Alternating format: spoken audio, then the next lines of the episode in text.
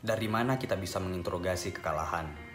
Sebagai akibat, kekalahan tentu memberi dampak kepada pihak yang kalah.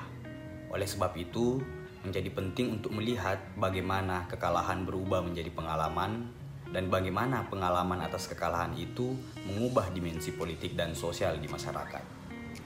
Bagi saya sendiri, biasanya itu saya mulai dari mitos.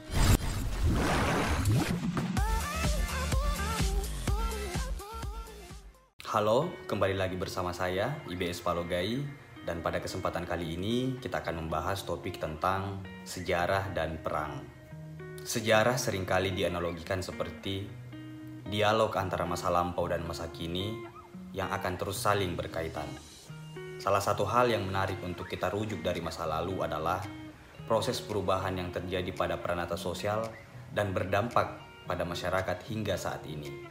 Dalam beberapa epos purba dan folklore, perang telah menciptakan tinta sumpah, bukan hanya sebagai latar, tetapi penentu alur dan ilham bagi perkembangan sebuah kebudayaan. Perang mengubah batas wilayah, bahasa, dan cara mereka melihat dirinya sendiri. Sebelum Nusantara secara keseluruhan dijajah, ada beberapa kerajaan besar di Nusantara yang satu persatu ditaklukkan oleh penjajah. Semua ini bermula ketika Alfonso de Albuquerque, seorang penjelajah dari Portugis, membuka gerbang kolonialisme bangsa Eropa untuk masuk ke Asia dan memulai kolonialisme selama berabad-abad. Demi Victoria, Fortaleza dan Igreja, mereka memulai pelayaran dari Sungai Tagus dan berhasil menanam tapal wilayah di negeri asing melalui perang dan diplomasi. Tanjung Harapan di Afrika menjadi terminal laut yang menghubungkan penjelajah Eropa dengan benua yang kini kita kenal sebagai Asia. Dari sana, kapal-kapal ini berlayar ke Malaka, kemudian ke Maluku, Banda, kemudian ke Ternate. Kota-kota ini merupakan pusat kekayaan di Nusantara pada masa itu. Portugis, wilayah yang berjarak 6.000 894 mil laut dari Nusantara, tiba di Banda pada tahun 1512 dan mulai memonopoli perdagangan rempah-rempah di sana.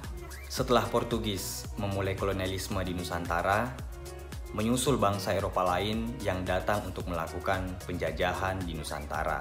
Namun penjajahan yang bertolak belakang dengan nilai kemanusiaan ditolak oleh kerajaan-kerajaan yang ada di Nusantara Salah satu kerajaan yang menolak ini adalah Kerajaan Goa. Tapi, bukankah Kerajaan Goa juga melakukan invasi dan menaklukkan kerajaan lain? Tentu sebagai fakta ini benar. Namun, apakah hukum perang yang dianut oleh Makassar dan bangsa Eropa itu sama? Nah, di sini letak perkaranya. Sebagai misal, katakanlah kerajaan Goa telah menaklukkan kerajaan lain.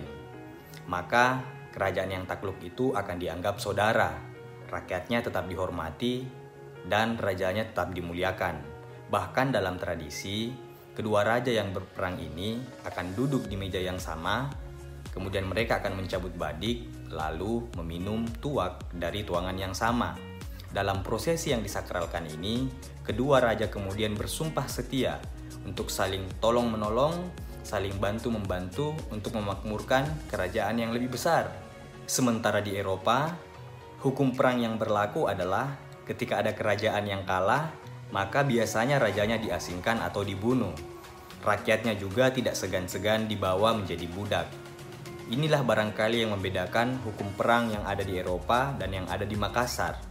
Barangkali kita tidak perlu mencari tahu hukum perang mana yang paling bagus antara Makassar atau Eropa, sebab keduanya saya percaya tumbuh dalam tradisi, dalam lingkungan, dalam kondisi politik, dalam kondisi kebudayaan yang berbeda.